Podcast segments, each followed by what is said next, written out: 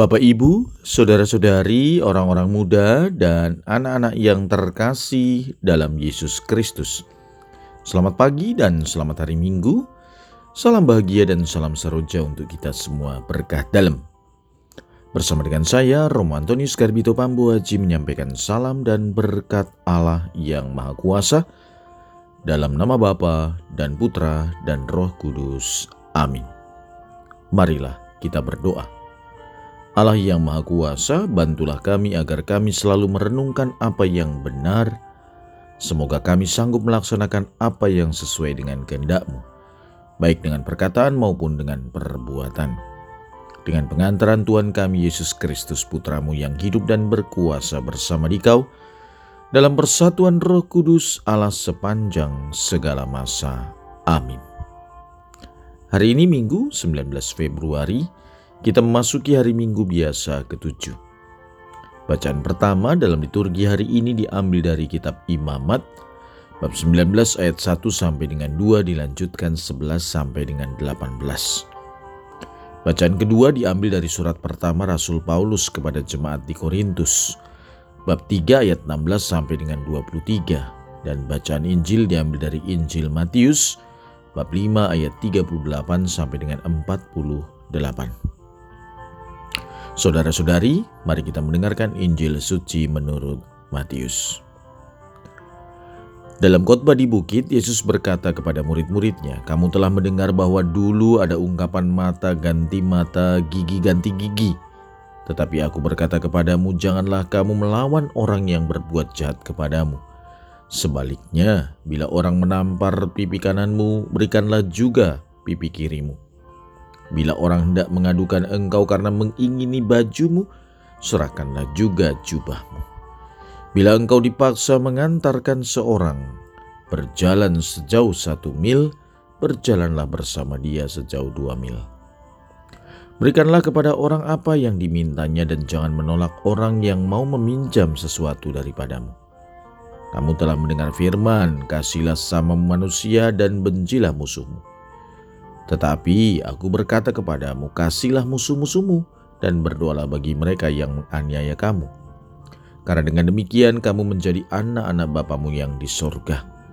Sebab ia membuat mataharinya terbit bagi orang jahat dan juga bagi orang baik. Hujan pun diturunkannya bagi orang yang benar dan juga bagi orang yang tidak benar. Apabila kamu mengasihi orang yang mengasihi kamu, apakah upahmu? Bukankah pemungut cukai juga berbuat demikian? Dan apabila kamu hanya memberi salam kepada saudaramu saja, apakah lebihnya dari perbuatan orang lain? Bukankah orang yang tak mengenal Allah pun berbuat demikian? Karena itu haruslah kamu sempurna sebagaimana Bapamu yang di sorga sempurna adanya. Demikianlah sabda Tuhan. Terpujilah Kristus. Saudara-saudari yang terkasih, dalam bacaan pertama hari ini Tuhan melalui Nabi Musa menyampaikan sabdanya. Kuduslah kamu sebab aku Tuhan Allahmu kudus. Janganlah engkau membenci saudaramu di dalam hatimu, tetapi engkau harus berterus terang menegur sesamamu, dan janganlah engkau mendatangkan dosa kepada dirimu karena dia. Janganlah engkau menuntut balas, dan janganlah menaruh dendam terhadap orang-orang sebangsamu, melainkan kasihlah sama manusia seperti dirimu sendiri. Akulah Tuhan. Tentang sabda Tuhan ini, orang-orang Israel masih bertanya siapakah sesamaku manusia. Karena kebanyakan dari mereka memahami bahwa sesama manusia adalah mereka yang sesuku, seagama, seras, sebangsa, segolongan. Sementara orang yang tidak sesama dianggapnya tidak layak untuk memperoleh rahmat Allah. Sementara itu bacaan kedua mempertegas amanat bacaan pertama. Umat Allah harus kudus. Bukan hanya karena Allah yang mereka sembah itu kudus, tetapi karena mereka menjadi bait Allah dan Roh Kudus diam di dalam diri mereka. Maka keselamatan mereka dijamin oleh Allah. Jika ada orang yang membinasakan bait Allah, maka Allah akan membinasakan dia.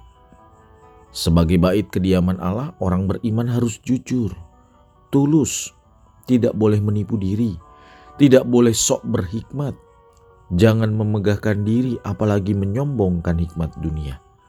Sebab hikmat dunia sementara sifatnya, sedangkan hikmat Allah kekal adanya. Sabda Tuhan dalam Injil hari ini menampilkan ajaran yang sungguh revolusioner yang tampak bertentangan dengan hikmat dunia. Yesus mengendaki para murid membuang jauh-jauh perilaku balas dendam. Murid Yesus harus mampu membalas kejahatan dengan kebaikan. Murid Yesus harus mengasihi tidak hanya sesamanya tetapi juga musuhnya. Kasihlah sesam musuhmu dan berdoalah bagi mereka yang menganiaya kamu. Itu kata Tuhan.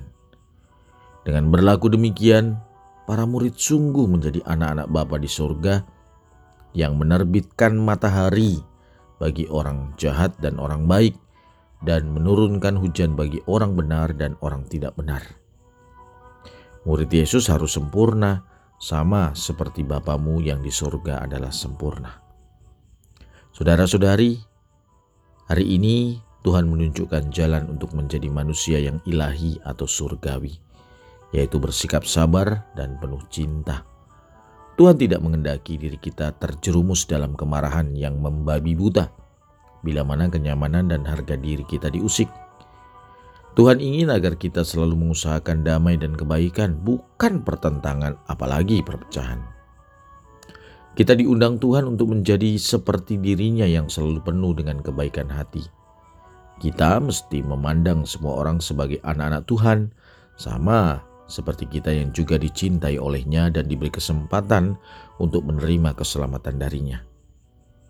Bila mana kita sadar dan sanggup melakukan semuanya itu, sebenarnya kita sedang diajak Tuhan untuk memenuhi undangannya. Undangan untuk menjadi sempurna. Saudara-saudari, harus diakui bahwa amat sulit untuk bisa mengampuni atau mendoakan orang yang bersalah. Tidak mudah bekerja secara maksimal tanpa pamrih atau diketahui oleh orang banyak dan menuai pujian. Karena ketidakmudahan itulah maka kita harus meminta bantuan dari Sang Sempurna, yakni Tuhan. Tidak ada sesuatu pun beban yang tidak tertanggungkan atau terselesaikan bila mana kita menyertakan Tuhan dalam usaha kita. Ingatlah, bahwa Tuhan Allah kita jauh lebih kuat dan lebih besar dari segalanya, termasuk beban hidup kita.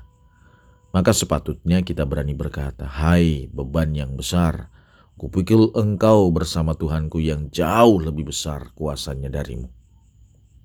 Di dunia yang kita imani dan kita diami ini, memang masih penuh dengan begitu banyak kejahatan yang mampu membuat kita menjadi tidak sempurna dan jauh dari Tuhan. Namun saudara-saudari, kita harus sadar bahwa kita ini anak-anak Allah yang sempurna. Maka kita juga perlu berjuang dan belajar terus untuk menjadi sempurna agar bisa menyempurnakan dunia. Mari kita berjuang bersama Tuhan. Marilah kita berdoa. Allah yang Maha Kuasa, kami mohon semoga misteri yang kami rayakan menjadi jaminan keselamatan dan kehidupan abadi bagi kami. Berkat Allah yang Maha Kuasa, dalam nama Bapa dan Putra dan Roh Kudus. Amin.